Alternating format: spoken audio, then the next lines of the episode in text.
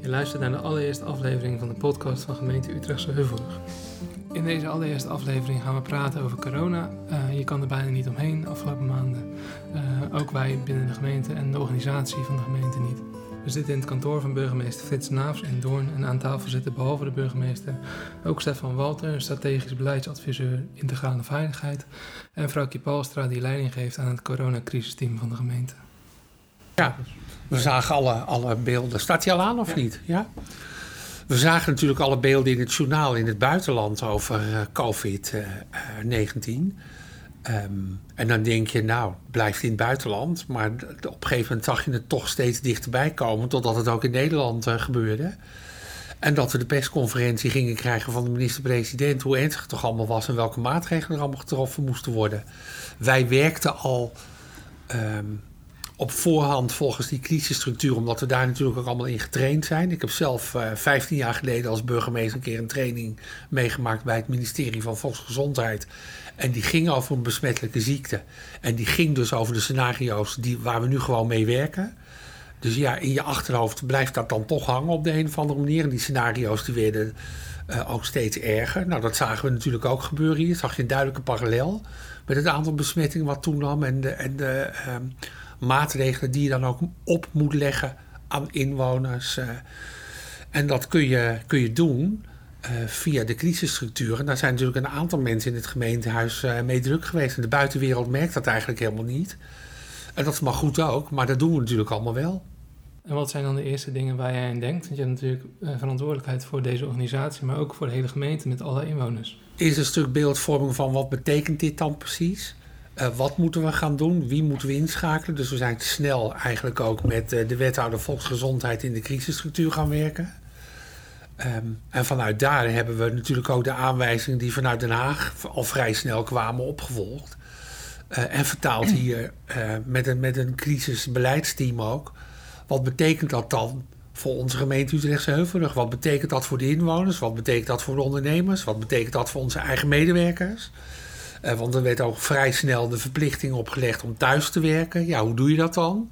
Hoe organiseer je dat met elkaar? Willen mensen dat wel? Kunnen mensen het? Want niet iedereen heeft natuurlijk thuis de geschikte situatie om thuis te werken, al dan niet met kinderen om je heen. Uh, eigenlijk heeft dit wel aangetoond, ook in onze gemeente, dat mensen toch best creatief en flexibel zijn van als dit je dan overkomt.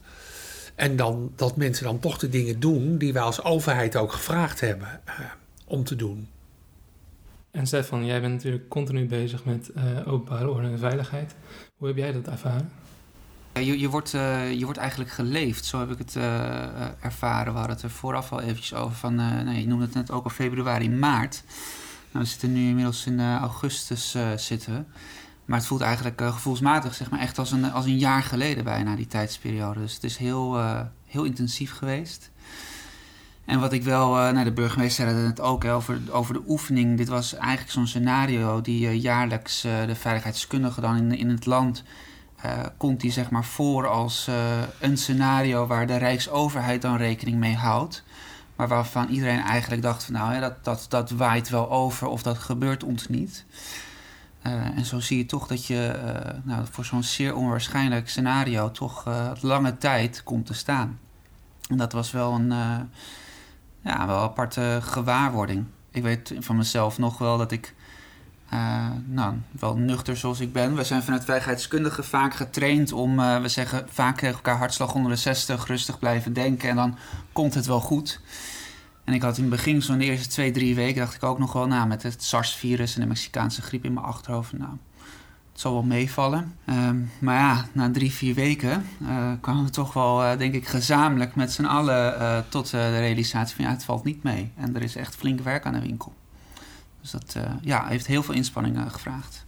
Nou, daar komen we zo nog even op terug. vrouwtje, jij gaf leiding aan het beleidsteam corona van de gemeente. Wat doet zo'n beleidsteam nou eigenlijk?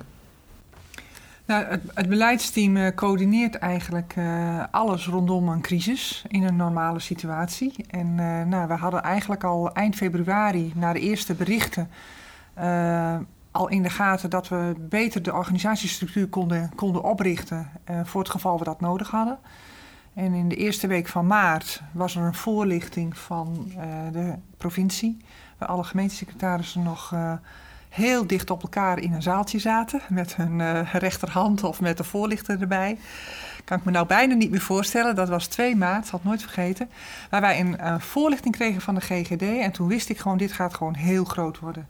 En dit gaat echt de komende tijd gewoon mijn werk beïnvloeden. En ik had allemaal nieuwe woorden gehoord over cohortopvang en A-ziekte.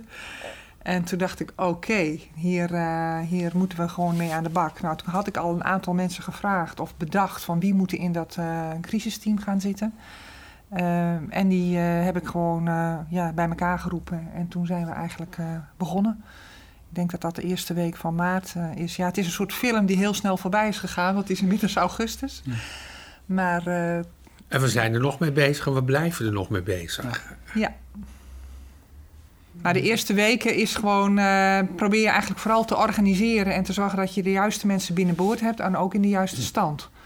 En uh, dat is denk ik wel, als ik naar mezelf kijk, het belangrijkste werk geweest wat ik de eerste anderhalve maand heb gedaan. Te zorgen dat de mensen die uh, dat werk moeten doen, vrijgemaakt worden. En dat ze ook snappen dat als ik bel, dat ze dan inderdaad snel moeten reageren. En dat als ik antwoord vraag voor morgenmiddag, dat dat er al echt is, liefst eerder. Nou, en dat is wel iets wat uh, mensen echt even in een andere modus gezet uh, moeten worden soms. Maar, maar mijn ervaring was dat dat eigenlijk heel snel, heel soepel liep. Ja. En uh, dat het dan vooral is van als iemand, nou ja, de angst dat iemand ook ziek wordt. En oh, hoe ja. moet die dan vervangen worden? Want wij hebben gewoon een organisatie waar niet iedereen één op één maar makkelijk vervangen kan worden. Nou, dat is gelukkig niet gebeurd. Alleen onze burgemeester. Ja, want daar hadden we natuurlijk ook over gehad. Ja. ja. Uh, van als het langdurig zou zijn of als er iemand ziek zou worden, uh, dat, dat, dat er naadloos uh, vervangen kon worden. Al die scenario's die zitten in je hoofd, maar het scenario dat je zelf ziek, ziek zou kunnen worden, is bij mij echt niet opgekomen. en gelukkig is het zo dat de loco makkelijk kon inschuiven, de taak kon overnemen. Ehm, en dan loopt dat ook gewoon soepel door. Uh, zoals dat ook met de gemeenteraad. Want die moet je daar ook in meenemen. Want we deden natuurlijk allerlei maatregelen. Want het is toch ook in het begin een beetje een militaire operatie, noem ik dat altijd. Want iedereen die in die crisismodus staat. En dat is ook de enige manier om dit te handelen. En dat het met voorrang ook allemaal gebeurt. Uh, en de raad hebben we daar ook in meegenomen. Door ze iedere week een update te geven van wat we eigenlijk allemaal besloten en wat we gedaan hadden. Dus ook een soort verantwoording naar de gemeenteraad toe. En in die eerste twee weken heb ik ook de fractievoorzitters uh, hebben een appgroepje aangemaakt om eens even in alle drukte met wat we aan het doen waren te vragen: voelen jullie ook goed geïnformeerd? Uh, voel je je meegenomen? Gelukkig vonden ze dat. En dat hebben we volgehouden eigenlijk uh, in al die weken en maanden om dat te doen. En ik heb van collega's gehoord dat dat niet bij alle gemeenten zo gegaan is. Dus ik vind het wel belangrijk dat wij dat wel gedaan hebben en ook blijven doen in dit soort situaties. Eh. Je houdt natuurlijk erg rekening mee dat iedereen het kan krijgen, maar je hoopt natuurlijk niet dat je het zelf krijgt. En dan is het wel zover en kun je ehm, op dat moment je werk ook makkelijk loslaten. Nou, kijk, als je, als je in het ziekenhuis terechtkomt, ik wist eigenlijk zelf niet precies hoe ziek ik eigenlijk was. Dat had ik zelf eigenlijk ook niet helemaal uh, door. Um, en dan kom je in het ziekenhuis terecht en toen dacht ik, ik moet het nu gewoon loslaten, klaar als je het niet doet, heb je jezelf ermee, maar ook degene die ermee aan de gang gaat. En ook die maanden, die twee maanden daarna uh, van de revalidatie, heb ik ook bij mezelf echt zo van: ik bemoei me er niet mee. Het is nu aan de loco en de rest van de organisatie. Uh, dus ik heb, ik heb me daar zelf ook terughoudend in opgesteld met contact leggen. Want ik dacht, het ik help mezelf niet mee en de anderen ook niet. Als je daar dan toch weer mee gaat bemoeien op de een of andere manier. Dan, dan straalt het ook helemaal niet het vertrouwen uit dat de anderen dat kunnen. En dat kunnen ze gewoon, gelukkig. Dus de wereld draait gewoon verder. Ook al val je dan gewoon uit vanwege ziekte. En dat is maar goed ook, dat het zo werkt. Ja, maar dat komt ook wel dankzij de crisisstructuur. Dat je gewoon uh, steeds daarop focust. En, uh, ja. en dat het college daarnaar handelt. En dat de ambtelijke organisatie waar je dan mee samenwerkt daar ook naar handelt. En uh, dat is in het begin echt, nou, de eerste vier, vijf weken is dat gewoon zoeken. Hè? Want mensen willen gewoon dan toch graag hun eigen ding doen. Of, uh, nou ja, zoals ze eigenlijk gewend zijn om te, om, om te werken. Ja, het is niet altijd je eigen ding, maar... Uh, nou, je hebt een bepaald iets en daar geloof je in en daar werk je naar. En dat is ook zo afgesproken. In een crisissituatie moet dat allemaal anders. En zijn er ook andere mensen die leiding krijgen of leiding nemen. Ja. En nou, daar heb je de eerste weken dan wel voor nodig. Maar die crisisstructuur heeft ons denk ik heel veel gebracht om daarin ook met een vervanging daar gewoon in op te treden. En gelukkig dat onze mensen in de organisatie, maar ook de wethouders, daarin getraind zijn. Hè? Want ze moeten al die, die, die cursussen en dingen bij de FRU ook doen. Nou, dat geldt ook voor een deel van onze medewerkers die daar een rol en een taak in hebben. Dat ze wel goed voorbereid, gewoon als dit soort dingen dan gebeuren, aan de slag kunnen. Waarbij dan één belangrijk ding ook nog is, de emotie. Uh, want mensen kunnen zelf ook ziek worden of dat er in hun familie dingen gebeuren. Um, met, met COVID, dat heeft altijd een doorwerking op het functioneren van mensen. Eh, dus daar moet je dan tijdens die crisis en tijdens de crisisstructuur ook wel aandacht voor blijven houden. Tegen Vrouwtje hebben we dat op een gegeven moment ook gezegd. Toen jij na een paar weken de lead had van joh, hou je het nog vol? Want doe je mond open, want anders moeten we dat ook gewoon op tijd regelen. Want we hebben, we hebben er niks aan als we daar geen oog voor hebben, mensen functioneren door, en zakken op een gegeven moment door het ijs. Nee, want het is in dit geval niet zo dat twee mensen zijn die dezelfde functie uh, vervullen binnen het crisisteam, die, die elkaar afwisselen, toch? Dan anders het... Nou, daar hebben we niet voor gekozen. Dus dat is meer, uh, we hebben dat wel afgewogen. Uh, maar op een gegeven moment heb je een, een goed draaiend team en dan heb je wel een vervanger. Dus ik heb, ja. ik heb gewoon een vaste vervanger. En dat is ook wel iets wat je in zo'n crisissituatie merkt, dat je op een gegeven moment ook gewoon uh, keuzes moet maken in wie wel en niet. En dat is, gaat op een gegeven moment heel erg over, over karakter en over competenties dan of, of functie of rol. Uh, dus we hebben ook uh, voor de hele vervanging van mensen gewoon daar in het beleidsteam ook over gehad. Van als, ik, als ik uitval, hoe, hoe moet ik dan vervangen worden? Van dat zou die en die dan kunnen zijn. nou, daar hebben wij het wel over gehad, omdat dat in zo'n crisissituatie komt het daarop aan. En betekent wel dat ik wel vervangen ben. Dus ik heb een aantal dingen niet gedaan, maar ik heb ook uh, gezorgd dat een aantal dingen die door moesten gaan, overgedragen werden naar andere mensen. Um, maar daar hebben we eigenlijk voor iedereen voor gekozen om het op deze manier te ja. doen. Dus ook Stefan is uh, vervangen door iemand. Ja. Maar als Stefan gewoon aan boord is en het volhoudt, uh, dan is hij de eerste persoon die dat gewoon blijft doen. Maar moet wel taken van hem overgedragen worden. En het is een lastige situatie, want het was een crisis. Maar normaal is een crisis, als, hè, ik heb vaker een crisissituatie uh, uh, meegemaakt. Dan is het een crisis buiten. En nu was de crisis ja. ook binnen. Omdat ja. onze eigen organisatie, daar waren ook mensen die hadden uh, COVID. En dan worden mensen ook bang of onzeker. Van goh, mm. maar die persoon is nog vorige week op kantoor geweest. Dan heb ik het nu ook.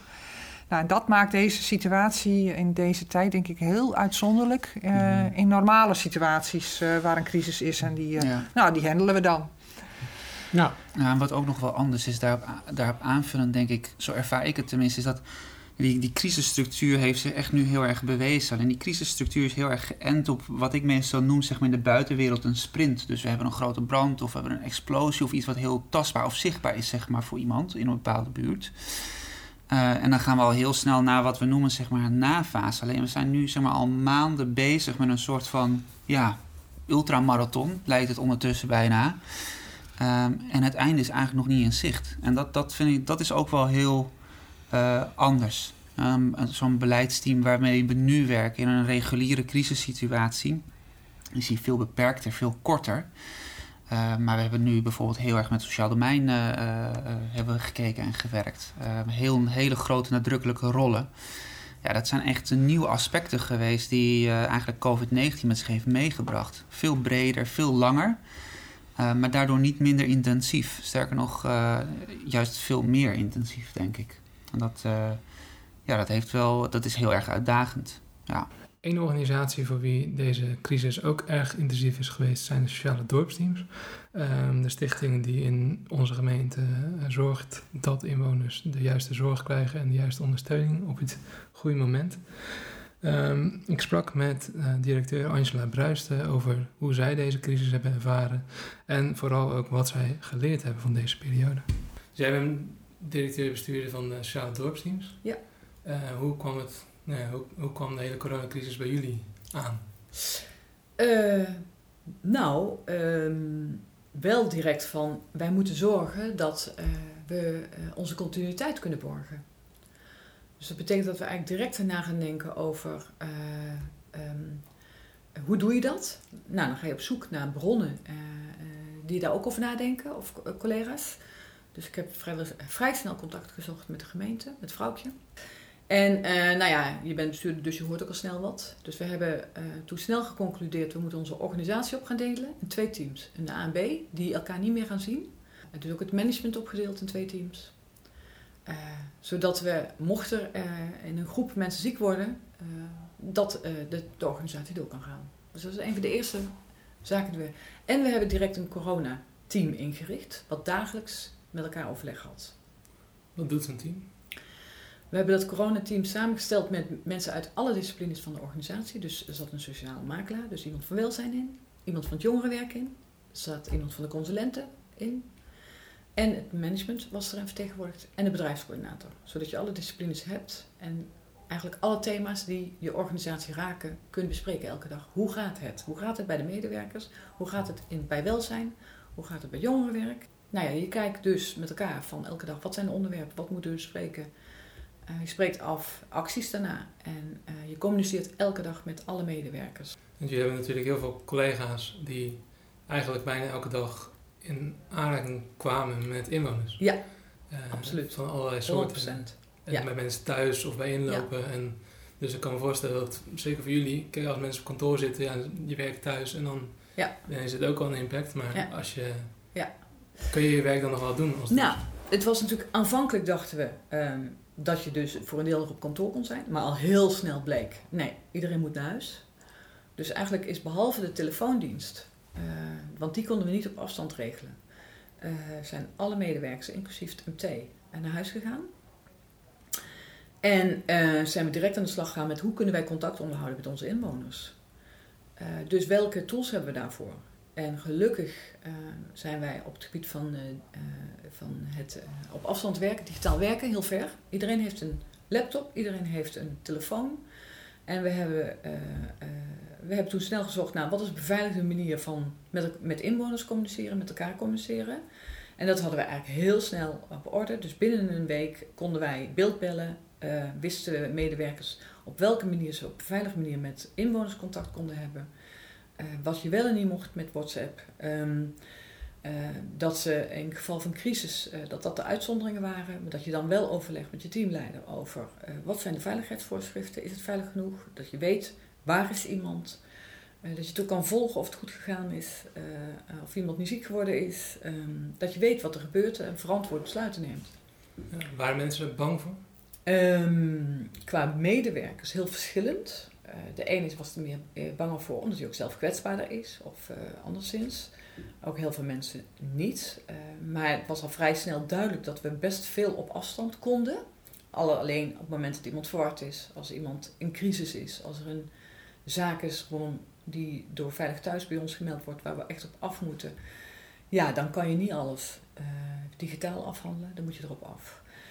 En mensen werden heel vindingrijk. Ehm, dus we hadden een aantal scherpe afspraken. Je, je belt van tevoren hoe het in de gezinssituatie is, hoeveel mensen er zijn. Je kijkt of iedereen er wel moet zijn.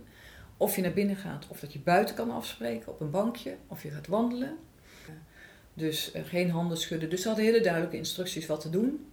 Ehm, en zich daar ook aan te houden. Eh, en dat werkte wel goed. Onze grootste zorg was dat mensen dus wel schip zou vallen. Dat er mensen zou zijn waar we eigenlijk altijd al of zorgen op dat moment over hebben. Dus eh, wij hebben geprobeerd om in kaart te krijgen, eigenlijk een soort van risico-inventarisatie te maken van waar zijn mensen die mogelijkerwijs vereenzamen eh, of die misschien psychisch in de war kunnen raken door deze situatie, eh, niet kunnen volgen wat er allemaal gebeurt. Ofwel gezinnen waarbij je zegt, ja, dat speelt zoveel, die hebben met zoveel op hun bordje op dit moment. Als dit bij komt, dan, ja, dan maken we ons echt zorgen. Dus wat wij eh, hebben gedaan is in kaart brengen van om wie maken we ons zorgen. En dan hebben we daar zelf contact mee of zijn er ook zorgaanbieders betrokken. En dan is de eerste stap geweest om te kijken, is die zorgaanbieder in contact met die inwoner?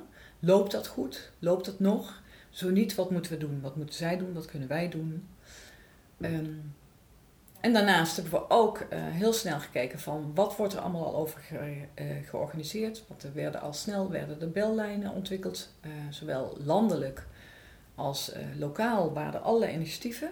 Dus wat wij gedaan hebben is al die initiatieven in kaart gebracht en dat op allerlei manieren geprobeerd bekend te maken. Dus Weet je tevreden hoe, hoe dat gegaan is? ja, ik vind dat wij binnen de gegeven omstandigheden heel snel eh, snel actief waren. ik denk ook, achteraf gezien, dat we ook juist keuzes hebben gemaakt door dit. Ik denk dat het heel goed was om zo'n corona-team samen te stellen met verschillende disciplines. Dat hebben we echt tien, misschien wel dertien weken volgehouden. Op het laatst zijn we wel het af gaan bouwen. Waar we dan nu wat wel van geleerd hebben is, uh, wij zijn nu bezig met nadenken over, ja, kunnen we meer e-health bieden als POH's? en, dus dat zijn mooie ontwikkelingen.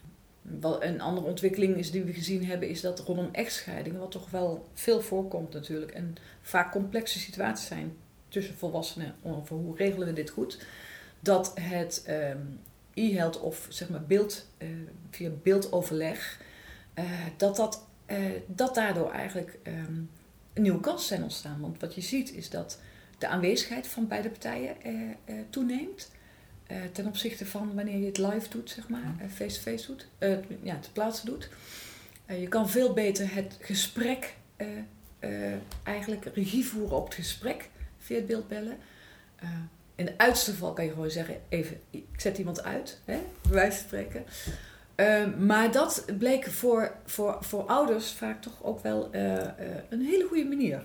Dus, dus dat het heeft ook ons echt nieuwe technieken geleerd eigenlijk, interventies geleerd. Met, ja, met andere tools. Met, met het in kaart brengen van wie zijn volgens ons kwetsbaar uh, hebben ook daadwerkelijk die mensen benaderd of hebben zorgaanbieders daar ook daadwerkelijk extra aandacht aan gegeven. Uh, dus daar hebben wij denk ik zeker een, eh, een, belangrijke bijdrage gegeven. We hebben bijvoorbeeld ook een project gehad bij jongerenwerk uh, om laptops, oude laptops in te zamelen en die vrijwilligers helemaal op te schonen en die beschikbaar te stellen voor inwoners. Dat was een heel goed lopend project. Er kwamen heel veel laptops op ons af en daar hebben we ook behoorlijk wat gezinnen mee kunnen helpen wat ik geleerd heb is. Uh, uh, wat gezien heb, is dat het heel makkelijk is in crisissituaties om met elkaar samen te gaan werken. Op alle vlakken. Dus ik had binnen nooit time contact met allerlei bestuurders in het gebied in de welzijnshoek. Maar ook binnen uh, de Associatie van de Wijkteams in het land. Uh, dus dat, uh, sociaal werk, heeft elke dag ook gecommuniceerd. dus daar werden, werd, ja, je kon heel veel bij elkaar halen. En, um, en dat was denk ik ook voor medewerkers het geval. Uh, um, het verbindt, men gaat elkaar helpen, men gaat elkaar vinden en zoeken. Uh, en dat is iets wat we vast moeten houden. En Frits, zijn er dan nog uh, dingen die je ziet gebeuren binnen onze organisatie waar je denkt, nou, dat is echt bijzonder? Ja, de organisatie is dan ook flexibel op de een of andere manier. En wat we ook zagen op een gegeven moment bij de gemeentewerf, dat vond ik echt wel heel bijzonder. Uh, vandaar waren ook wat mensen ziek of in de kwetsbare groep. Dus die hadden we gezegd, uh, ga even niet op de gemeentewer gemeentewerf werken. Maar toen waren er twee andere mensen die, die uit andere organisaties onderdeden. Iemand van burgerzaken en iemand vanuit de bodemdienst. Die zeiden van, oh, maar dan willen wij daar wel uh, gaan staan. op die werf om de inwoners, omdat die ook COVID was ingericht, om die de weg te wijzen. terwijl dat eigenlijk hun taak helemaal niet was. Maar dat hebben ze wel gewoon gedaan een, een, lange periode. Dus je ziet dan ook vanuit de organisatie dat soort dingen. Mensen melden zich dan, dat kunnen wij wel of dat willen wij wel. Eh, ja. En het is gewoon zo dat een aantal werkzaamheden die gepland waren door medewerkers soms gewoon niet uitgevoerd konden worden. Omdat we druk waren met de COVID. Ja, zo is het gewoon. Dat gaat voor. De crisis gaat voor. En dan blijft het gewone werk toch een beetje liggen. Nou, dat snapt iedereen volgens mij. Uh. En Vrouwke, je hebt dan natuurlijk een verantwoordelijkheid richting alle inwoners. Die moeten weten waar ze aan toe zijn, wat wel mag en wat niet mag. En hoe ze dingen wel kunnen doen. En waar ze terecht kunnen als ze iets nodig hebben. Uh, maar je hebt ook allemaal collega's die opeens uh, van de een op de andere dag thuis moeten werken. Ofwel aan de balie moeten zitten bij publiekzaken of op de werf moeten werken. Die ook allemaal vragen hebben over is het wel veilig, uh, hoe moet het nu verder? Hoe kan ik thuis mijn werk doen? Hoe kunnen we onze dienstverlening goed blijven doen? Hoe hebben jullie dat aangepakt? Nou, ik denk dat, uh, dat de kracht van het uh, hele traject is geweest dat we gewoon eigenlijk niet alleen voor extern hebben gecommuniceerd, heel intensief, maar ook intern. Dus we hebben voor buiten hebben, nou in het begin dacht ik zelfs elke dag een, een, een update gemaakt. En die op een gegeven moment twee keer in de week en nu één keer in de week en daarna 14 dagen. Maar dat hebben we ook voor het personeel gedaan. Dus steeds ook, ook zal maar zeggen, het, het sturen van waar kun je de informatie vinden. Dus we hebben het hele communicatiesysteem uh, ja, gewoon heel strak ingericht. Eigenlijk vanaf het begin. Ja, dat, dat- zo ging het. Hè? Dat is, was niet Ja. met voorbedachte raden voor mij. Mhm. Ehm, maar dat, dat werkte gewoon en dat hebben we eigenlijk gewoon gecontinueerd. Dat is voor mij ook wel een, een les voor de volgende keer. Van, eh, dat, dat, eh, nou ja, dat je ja, de communicatie gewoon heel goed moet regelen. Maar dat je ook iemand aan boord moet hebben. Die gewoon alles wat hij maar hoort. En alles wat hij maar hoort. Gewoon eigenlijk daarna gewoon in een, in een één A4'tje gewoon kan, Ja. kan, kan vertalen. En delen. En een paar mensen kan hebben die dat goed kunnen duiden. Hè? Want die moet je ook in het team hebben. Van, eh, dat als iemand opschrijft van is dit nu precies verteld? Nou, daar hebben, Stefan heeft daar een belangrijke rol in gehad om daar ook in mee te kijken. Van is deze communicatie wat, eh, wat nu gewoon de essentie is van deze week? En zo probeer je mensen mee te nemen. Eh, en ook de teamleiders steeds gewoon maximaal te informeren, mondeling elke week. Want het is gewoon een hele grote impact op medewerkers. Die eh, met beeldbellen, met een baby op schoot eh, proberen hun werk te doen. En er nog eentje hebben rondlopen. Of eh zorg maken over ouders die ze al drie weken niet of vier weken of soms nu al een paar maanden niet hadden gezien. Nou, dat doet wat met mensen. En ben Ja. je tevreden over hoe dat gegaan is? Of denk je, nou, dat zijn een paar dingen die we toch echt nog beter kunnen doen? Eh, over het algemeen ben ik heel tevreden. Ik merk wel dat ik zelf in de eerste weken ook nog dacht van... eh, nou ja, anderhalve meter. Poepoe, dat is een grote afstand. En dan zaten wij in de crisiskamer, toch te dicht op elkaar. Eh, dat zou ik echt volgende keer vanaf het moment... Ik heb wel iedereen die niet bij het crisisteam hoorde... eh, geweigerd om in de kamer te komen. Daar heb ik gewoon gezegd, die komen er niet meer in. Dat, mijn team kan dat er niet bij hebben. Die moeten gewoon hier hun werk doen. En iedereen die hier op bezoek komt, die doet dat ergens buiten, maar niet in die crisiskamer. En ik denk dat bij de eerste ehm, organisatieaanpassingen, bijvoorbeeld bij burgerzaken, als ik het nu weer zou moeten doen, zou ik dat eerder eh, eh, hun laten regelen. En nu hadden we gezegd, het RIVM geeft niet dit advies, dus we doen het niet.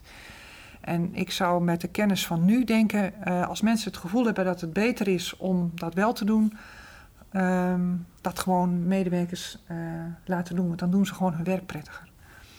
Ja, Ja. de afhankelijkheid van de techniek, hè? want eh, iedereen moest thuiswerken. En dan moet je allemaal videobellen en noem maar op. Nou, dat, dat moest allemaal even heel snel geregeld worden. En nu is het eigenlijk heel gewoon. Tenminste, als ik naar mezelf kijk, ik zit de hele dag te videobellen. Als ik naar vergaderingen ehm, extern moest, dan heb je vaak ook reistijd van een half uur of, of wat dan ook. Dat heb je nu dus gewoon niet. Dus als ik naar een vergadering moest in Utrecht, scheelt me dat dus een uur in tijd wat je aan andere dingen kan besteden. Dat is dan weer het voordeel van videobellen, zal ik maar zeggen. Ik, ik merk wel dat eh, ehm, eh, mensen korter en bondiger van stof zijn in hun bijdrage. Dus eh, ik hoop dat ze dat dan ook blijven als, als je gewoon weer fysiek bij elkaar eh, zit. Ja, kijk, het, de COVID-periode voor eh, mijn taakveld openbare orde en veiligheid was natuurlijk wel een lastig in de zin van dat veiligheidsincidenten houden niet op omdat COVID er is. Nee. We hebben in maart eh, liepen Ja. we door goed politiewerk, laat dat vooropgesteld zijn, tegen een gigantisch drugslab in Overberg aan. ja. Ja, we kunnen dan niet eh, zeggen, terwijl de politie eh, belt en ter plaatse daar is van... eh, ja, we zijn met beperkte capaciteit en we, we kunnen het niet. Ehm, dus ik heb, het is tweeledig, het is heel intensief geweest. maar aan de andere kant heeft het ons als team denk ik heel veel gebracht. Ehm, in de zin dat we eh, elkaar niet uit het oog verloren zijn als het gaat om het menselijke. Hè. We hebben altijd wel kunnen lachen en grappen kunnen maken om situaties, meer het, luchtige.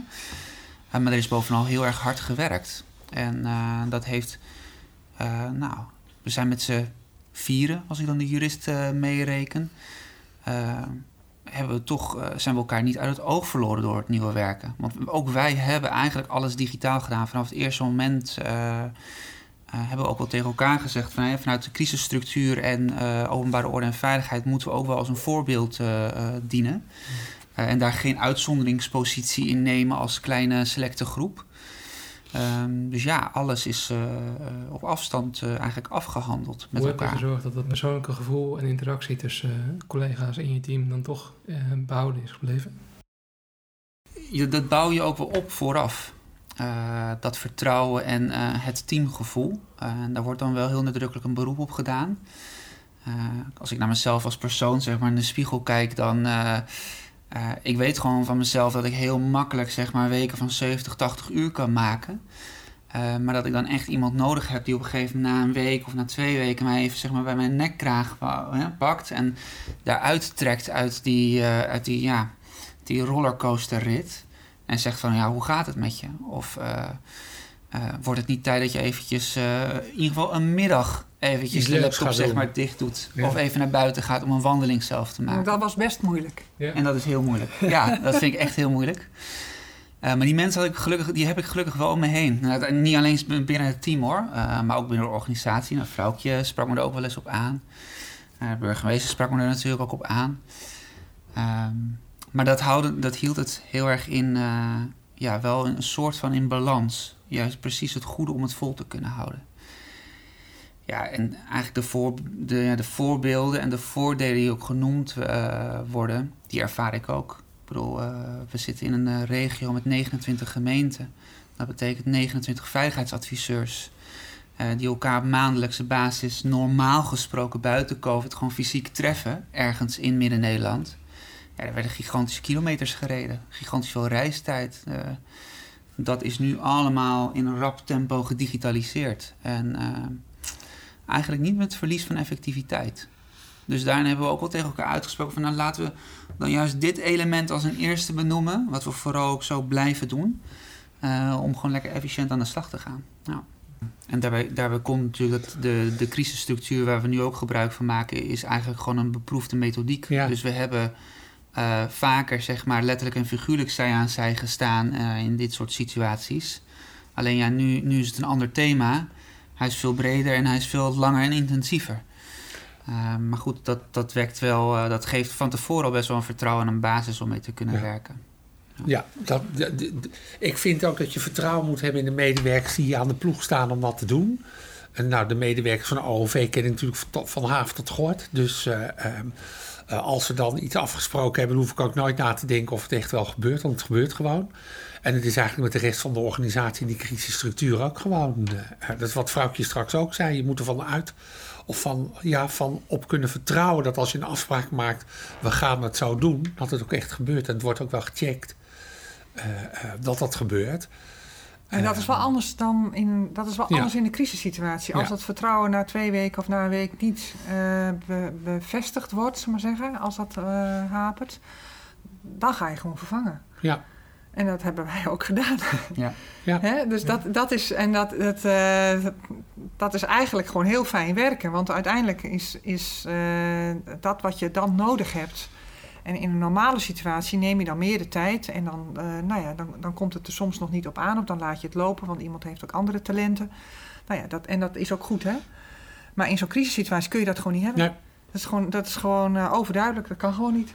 Je stelt, Ja. je stelt het beste team op, in Ja. feite. Ja, ja, Ja. op dat moment, eh, voor die taak, stel je dat team op. En eh, dat, dat kan dus ook, eh, nou, ja, dat is een mooie metafoor met de voet, maar zo werkt het wel. Je Ja. loopt de wedstrijd en, eh, nou ja, we willen hier niet winnen. We willen hier vooral overleven. Maar eh, zo, zo eh, Een van de dingen die onze organisatie moest regelen was de noodopvang voor kinderen.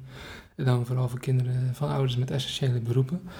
Dat was een flinke organisatie, heb ik begrepen. En, en daarover heb ik gepraat met onze collega Alice Aprel. Die een van de collega's was die dat hele proces eh, begeleid heeft. Normaal gesproken ehm, ben ik medewerker van het leerlingenvervoer en dan handhaving kinderopvang. Ja, en toen begon corona, Ja, de crisis. En klopt. toen, eh, Toen kreeg jij een heel andere... Ja, toen werd het in één keer anders. Ja, dat was echt inderdaad, ja, dat was gewoon met de dag anders. Zeg maar. Of ja, het sloeg in één keer eh, om. Dat was, ja, het was het weekend van na 15 maart. Even kijken hoor, mijn collega Lotje, die eh, had op maandag al geschakeld met de wethouder, met Chantal. Eh, van er komt bij de gemeente de regie voor noodopvang, kinderopvang, of eh, noodopvang, onderwijs en kinderopvang eh, te liggen.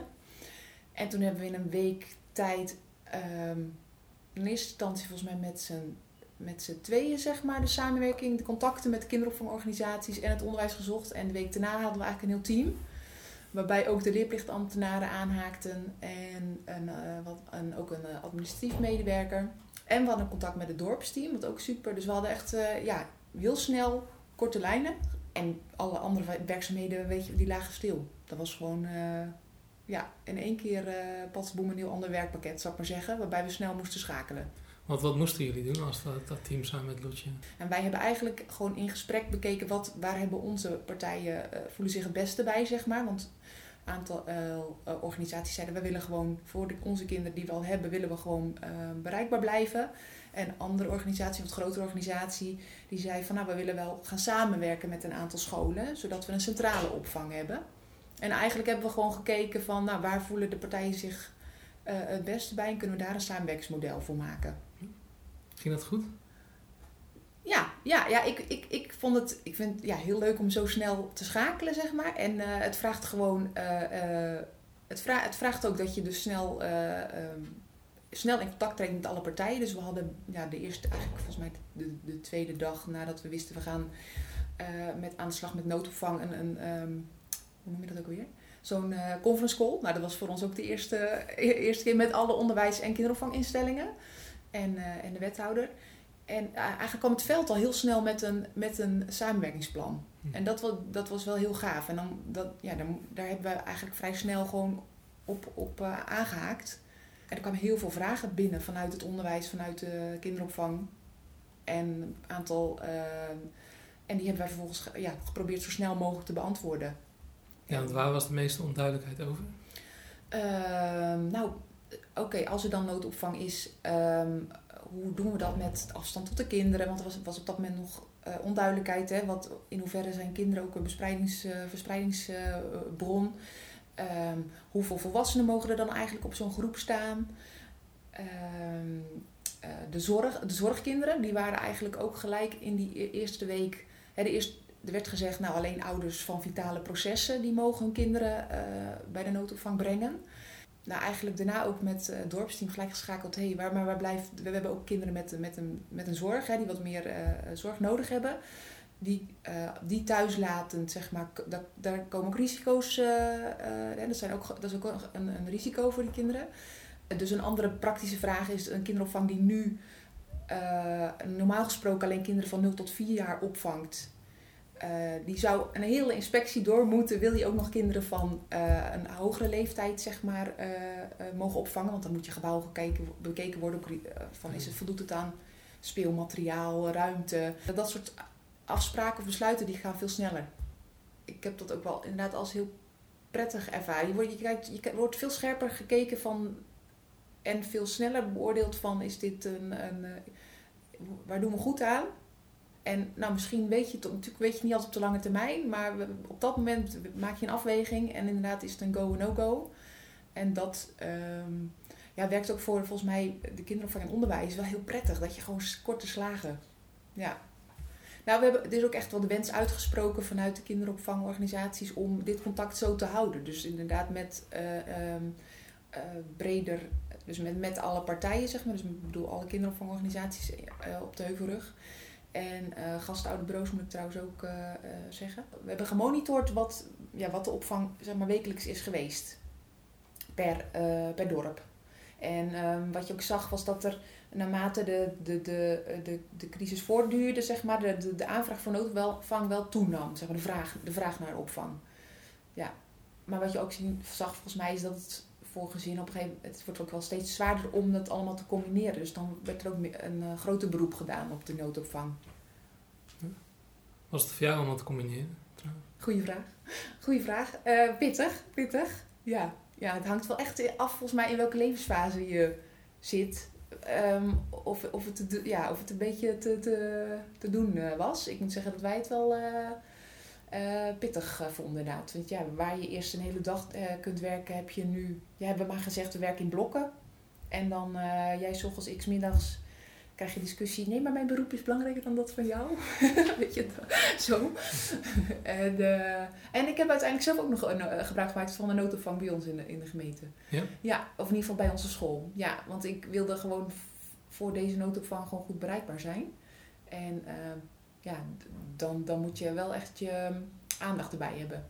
Zijn, zijn jullie nu ook bezig om te zorgen dat de dingen die je nu hebt geleerd en nu hebt uitgevonden eigenlijk samen, want het is allemaal nieuw natuurlijk, dat je die op een ander moment, een nieuw later moment weer gewoon zo kan toepassen? het, team zeg maar, van de mensen die is nu weer met het reguliere werk bezig. Maar Ehm, we hebben al met elkaar afgesproken, zodra zich weer een nieuwe crisis voordoet, ehm, weten we elkaar te vinden en, en kunnen we snel eh, schakelen. En daarbij bedoel ik eh, dat we dus ook met het dorpsteam en dat je weer richting het beleidsteam corona, dat je die, die structuren zijn nu wel echt helder. En ook de contacten inderdaad met onderwijs en de kinderopvang. Ja, ja. Ben je trots op hoe het gegaan is de afgelopen maanden? Uh, ja, eigenlijk wel. Ja, ik, ik vind het ook wel heel leuk, moet ik zeggen, dat schakelen. Dus um, ja, en we hebben echt wel wat discussies gehad, ook wel met, uh, ja, met de betrokken scholen en met de kinderopvangorganisaties. Maar uh, ja, we, iedereen heeft zo hard gewerkt en dat, dat vind ik echt wel gaaf. Ja, het voelt wel echt als saam, saamhorigheid. En dat, daar word ik wel blij van. Ja, ja. Hoe is de sfeer in de gemeente? Kun je die omschrijven? Die hebben regelmatig ook laten peilen, zowel door de politie als door de BOA's natuurlijk, maar ook de wethouders die contacten hadden binnen de verschillende beleidsvelden. Uh, mensen laten zich dat op een bepaalde manier gelaten over zich heen komen. Snappen ook wel dat die, dat, dat die regels vanuit Den Haag zo gesteld worden, omdat we dat virus natuurlijk onder controle moeten krijgen. Ehm, en ja, als dingen dan wat langer duren, worden mensen toch wat ongeduldiger. Uh, we hebben hier ook, in de periode dat ik ziek was, zijn ook parkeerplaatsen afgesloten. Omdat mensen in de bossen uh, te veel hutje en mutje op elkaar, uh, met alle consequenties van dien. Dat is allemaal niet leuk, want er zagen we ook af en toe reacties op internet van dat mensen dat niet leuk vonden. Ja, het is jammer, maar het moet gewoon gebeuren. ik vind het niet leuk dat mensen zich niet aan die afspraken houden. En dat wij dan toch als overheid weer achteraan moeten jagen. Let op de anderhalve meter, was je handen, niet te veel contact. Ja, dat blijft toch een beetje de boodschap. Wat, eh, ja, het is aanvullend op wat jij net zei, eh, Frits. Wat wij met die, want we hebben natuurlijk een heel grote recreatiefunctie in de hele regio. En uh, met het afzetten van die gebieden, ik denk dat we ook, zal maar zeggen, niet de handhavende uh, communicatie hebben gekozen, maar meer, zal maar zeggen, de, ja. de coachende kant. Ja. En uh, nou, dat zag je in omliggende gemeenten, zag je dat uh, anders. En wij hebben eigenlijk gelijk gezegd, laten wij mensen gewoon uh, vanuit de overtuiging van aanspreken op eigen verantwoordelijkheid. Dus we hebben heel erg geprobeerd om, ja, ook wat dat vanuit het Rijk, zou maar zeggen, wat dat ook eigenlijk steeds zo gaat, om die communicatielijn over te nemen. En we hebben eigenlijk weinig incidenten gehad, ja, een paar keer met hekken. Uh, maar dat is ook steeds nu nog, zal maar zeggen, echt uh, strategie om uh, nou ja, in de communicatie gewoon de, de zachte hand te, te nemen en mensen te verleiden om, nou ja, om, om het niet te gaan doen en te overtuigen om weg te blijven. Ja, dat is ook al de toon die bij deze ja. gemeente past en die bij, bij deze inwoners past ook. Ja, we hebben dus wel meer inzet van BOA's bijvoorbeeld ja. echt heel, heel bewust op die manier wel ingezet. Ja, we zijn intern ook wel heel met, met de BOA's en met degene die daar de leiding over hebben, zeg maar, wel met z'n allen het gesprek ook, ook over aangaan van hoe, hoe gaan we dat doen. Uh, en eigenlijk is dat niet, uh, niet anders dan normaal. In de zin van onze BOA's hanteren altijd een menselijke maat. En wat betekent dat mensen gewoon respectvol worden aangesproken. Nou, voornamelijk in dit soort tijden met een noodverordening waar eigenlijk heel Nederland nog nooit van had gehoord. En wat meer ja, aan nadruk en aandacht voor het uitleggen en het gesprek. Um, en dat heeft uh, in mijn beleving van wat ik terugkrijg heel veel goeds gedaan. Zowel voor de BOA's als voor de mensen zelf. Um, want het is niet leuk om uh, te moeten handhaven. Uh, maar dat laat niet weg dat daar waar dat nodig was, dat dat wel is gebeurd. Oh. jongeren die doelbewust in een natuurgebied ergens achteraf vuurtjes gaan stoken met kratten bier en feestjes gaan organiseren ja, dat is geen uh, toevalligheid meer of onwetendheid. Uh, of mensen die een herhaalde waarschuwing krijgen. Ja, op een gegeven moment moet je daar wel een lijn in trekken. Nou, en ik denk dat... Uh, we hebben ook dingen verboden. Van, waar we op het ja. laatste moment achter kwamen van gewoon wat echt heftig in strijd was met de noodverordening. En hebben we contact gehad met, toen was Jan van Zanen nog burgemeester van Utrecht. En in, zijn, in die hoedanigheid moest hij dan dat verbod opleggen. Maar heeft hij wel gewoon gedaan. Ja. En dan in overleg met politie, uh, Openbaar Ministerie ook in dat geval van jongens, uh, hoe gaan we hiermee om? Nou, de lijn was, we verbieden dat gewoon. te zeggen flagrant in strijd met. past op geen enkele manier. Ja, dan zijn mensen wel boos en verdrietig. Maar het is jammer dan. Ja. Ze hadden ook van tevoren geen contact met ons opgenomen. Maar het kon ook gewoon echt niet. Nou, dan moet je daar ook duidelijk in zijn. Maar wij gaan ook uit van wat kan wel. Ja. ja. Want dat wou ik net op aanvullen. Als ik kijk naar de begrafenissen. Dat was echt een... Uh, dat is misschien wel een heel mooi voorbeeld van... Het eerste was... Uh, je mocht, de begrafenisbranche had gezegd 30 personen mogen komen en het Rijk zijn nog steeds 100. Dus wij zijn steeds uitgegaan in eerste instantie van 100 naar maximaal uh, mensen voor die anderhalve meter. En wat kan dan wel? Um, en ook steeds met de branchevereniging onder, ondernemers gesproken. He. Een van onze mensen uit het beleidsteam heeft steeds contacten gehad met de begrafenisondernemers. Wat zijn live events? Huwelijken zijn altijd doorgegaan. Uh, wel gepest, maar als mensen toch willen trouwen, dan kan dat. Want het is gewoon een soort van recht. Hè? En dat, ja. ja, op een live event waar je gewoon eigenlijk corona niet nou, wil gebruiken om dat niet door. Dan wil je kijken wat wel kan. Nou, dat zijn dan de uitzonderingen. Nou, met begrafenissen denk ik hebben we dat op dezelfde manier gedaan. Een van onze medewerkers is op een van die begrafenissen gewoon uh, als gast geweest om mee te ervaren op, uh, ja, met instemming van de, van de mensen. Om te kijken hoe gaat dat nu als we zo'n grote groep hebben, anderhalve meter. En dan hebben ze in uh, timeslots hebben ze dat gedaan, de hele uitvaart met het afscheid nemen en condoleren. En zo hebben wij zelf denk ik ook heel geprobeerd om te leren als organisatie van deze situatie. Van we kunnen zeggen het mag niet. We kunnen eigenlijk beter erop afstappen. Uh, en de teamleider vragen van, goh, zie jij het zitten op zaterdagmiddag? Uh, als zij dat ook willen, om te kijken hoe dat dan gaat, daar leren wij van. Dus we hebben wel heel erg denk ik in een stand proberen te staan van, nou ja, wat kan wel. Ja, wat kan er wel. Mogelijk maken. Ja. Ja, en dat heeft wel veel tijd gekost. Als ik uh, denk van, uh, hè, want soms denk je, waar hebben wij nou, waar heb ik nou, ben ik nou zo druk mee geweest? Nou, eigenlijk, uh, ja, ook, ook met, uh, met een vrijwilligersvereniging van 70-plussers die mij dan gaat bellen en vragen van, ja, mag het? Ik zeg, nou, het gaat niet om of het mag van mij. Het gaat erom of deze vrijwilligers veilig genoeg kunnen werken. En we hebben in het begin heel veel mails gehad en gewoon gaan bellen. Ja. En nou, ik denk dat dat ook wel de kracht is geweest van hoe het dan landt. En dat werd ook gewoon heel erg op prijs gesteld om op die manier. Nou, er waren ook wat ondernemers die wat pop-up activiteiten gevraagd hadden om te overleven, omdat, uh, omdat het restaurant dicht was of wat dan ook. Dus daar hebben we ook op, op gereageerd van daar waar het kan, mocht dat tijdelijk gewoon gebeuren. en dan wel met de restrictie, je kan hier geen rechten aan ontlenen voor een definitieve situatie. Maar als dit helpt voor die betreffende ondernemer om te overleven. Uh, want wat hebben we eraan als een ondernemer over de, over de kop gaat en in de uitkeringssituatie terechtkomt? Dat wil je ook niet. Dus daar hebben we in een aantal situaties gewoon dingen uh, tijdelijk gewoon toegestaan. En ik denk dat dat ook goed is dat we dat gedaan hebben. Uh, uitbreiding van de terrassen? Ja, uitbreiding van de terrassen. Zodat, uh, zodat ze meer vanwege die anderhalve meter toch meer ruimte nodig hadden. Maar ook weer gewoon een pop-up restaurant toestaan.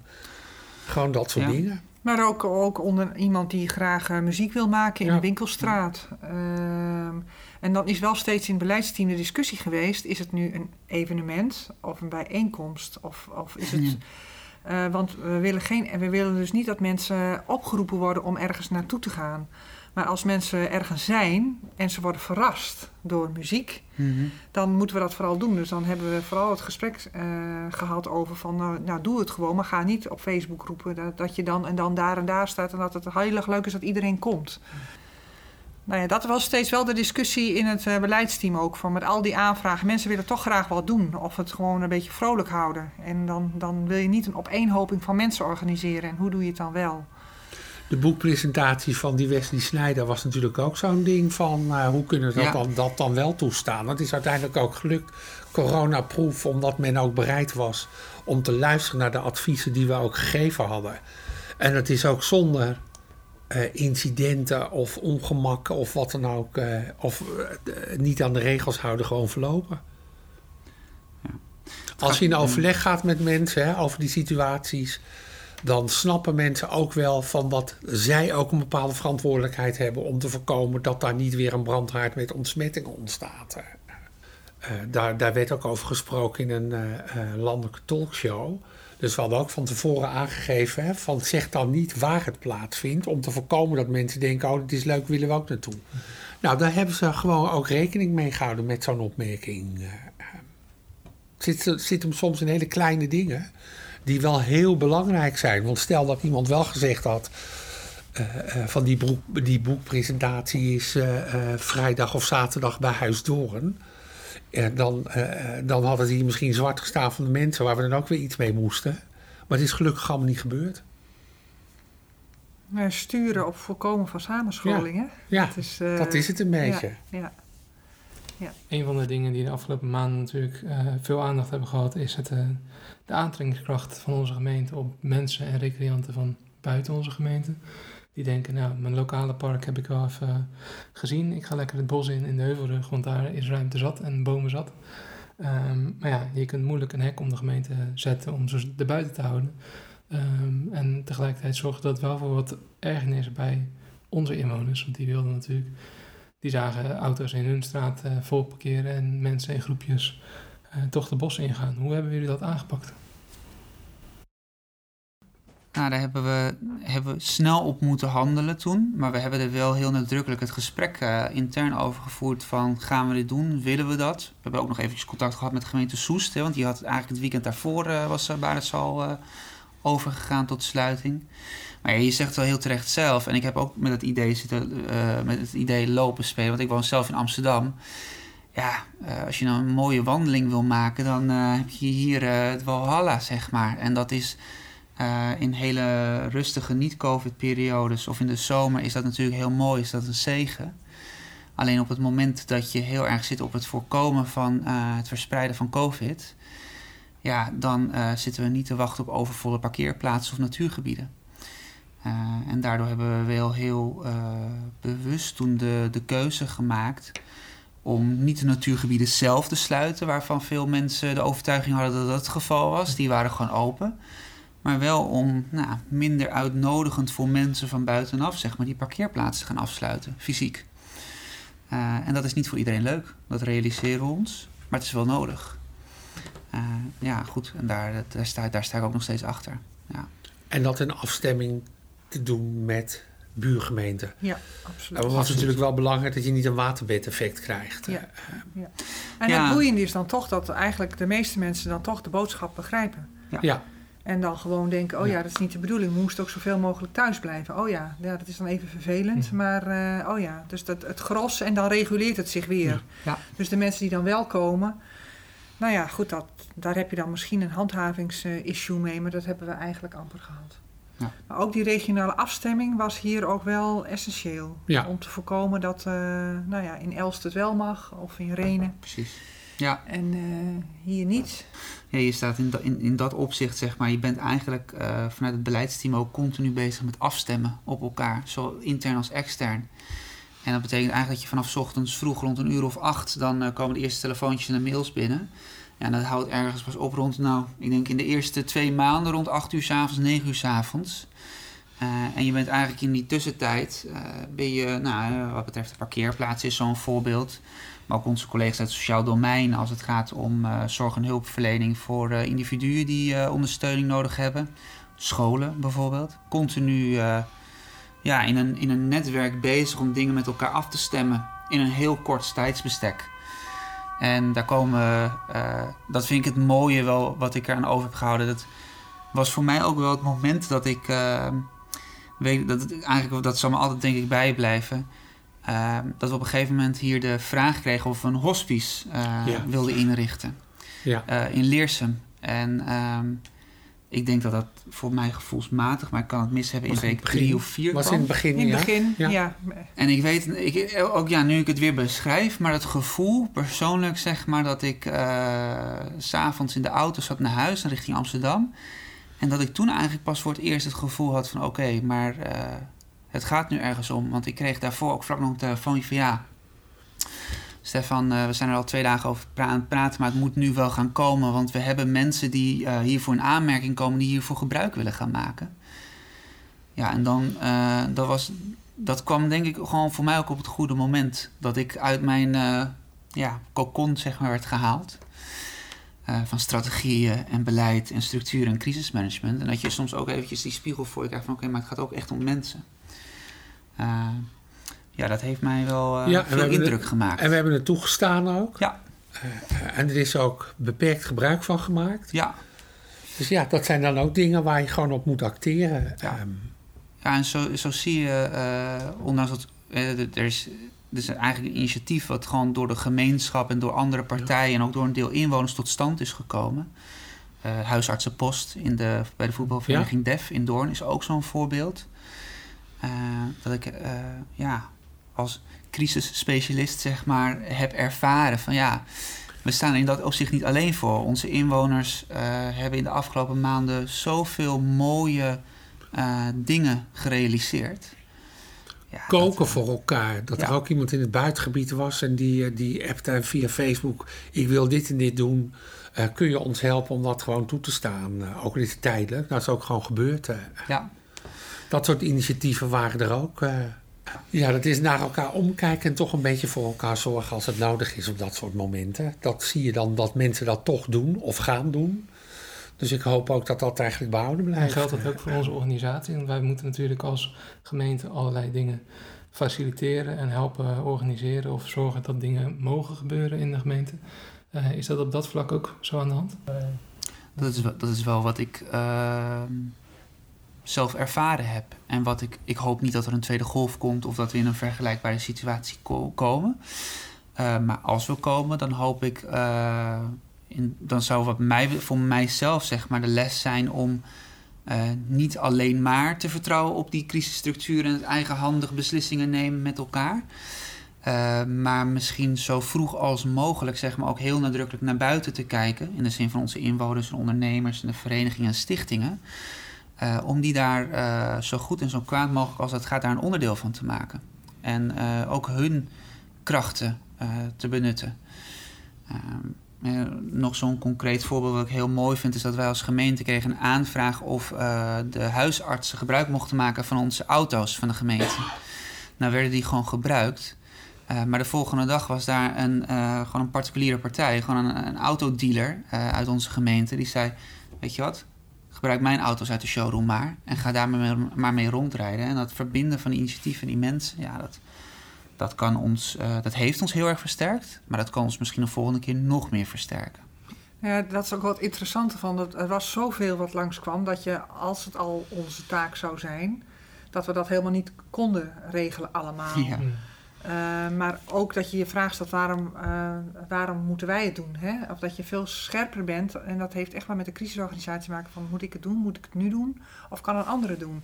En je bent veel sneller in de fase van kan een andere doen. Of, uh, ga, nou, en dat contact, gelijk, gelijk het contact zoeken. Ja. En ehm, ja, dat, dat, ik hoop dat we dat ook vast blijven houden. Van ga niet denken van oh, daar heeft iemand een mailtje gestuurd, ik ga eens een mailtje terug. Nee, pak de telefoon en ga bellen dat is ook wel wat ik zelf uh, een aantal mensen ook wel heb gezegd. Gewoon ga even bellen. Zoek even gewoon het. Hè, want je kunt elkaar niet zien, maar je kunt wel contact leggen. En uh, nou, dat zou ik voor onze hele organisatie gewoon uh, hopen dat we dat. Want dat gebeurt dan, hè? Er is heel veel contact gelegd. En nou ja, ook onderling contact wat we helemaal niet weten, want dat hebben mensen onderling al opgelost. Um, ik hoop dat we dat vasthouden. Gewoon, daar hoeven je niet namelijk fysiek voor bij elkaar te komen. Je kunt gewoon de telefoon pakken. En uh, nou, dat is wel mijn, uh, denk ik, ook wel een, een, winstpunt of zo. Ja. Ja. We hebben in een rap tempo, de, althans, ik heb, de, ik heb de organisatie, zeg maar, mijn collega's in een heel snel tempo op een hele andere manier leren kennen. Uh, die heel erg ja, bruikbaar en goed is voor de toekomst, denk ik. Want ja, je hebt gewoon een, bepaalde vertrouwensband gecreëerd. Uh, en je weet, uh, je weet gewoon uh, waar je op aan kan, zeg maar, bij mensen. Dus dat, is, al, een heel mooi pluspunt. Je luisterde naar de eerste aflevering van de podcast van de gemeente Utrechtse Heuvelrug. Je kunt ons volgen op social media zoals Facebook, Twitter, LinkedIn en Instagram. En hou ook vooral onze website www.heuvelrug.nl in de gaten voor het laatste nieuws, ook op het gebied van corona. Bedankt voor het luisteren.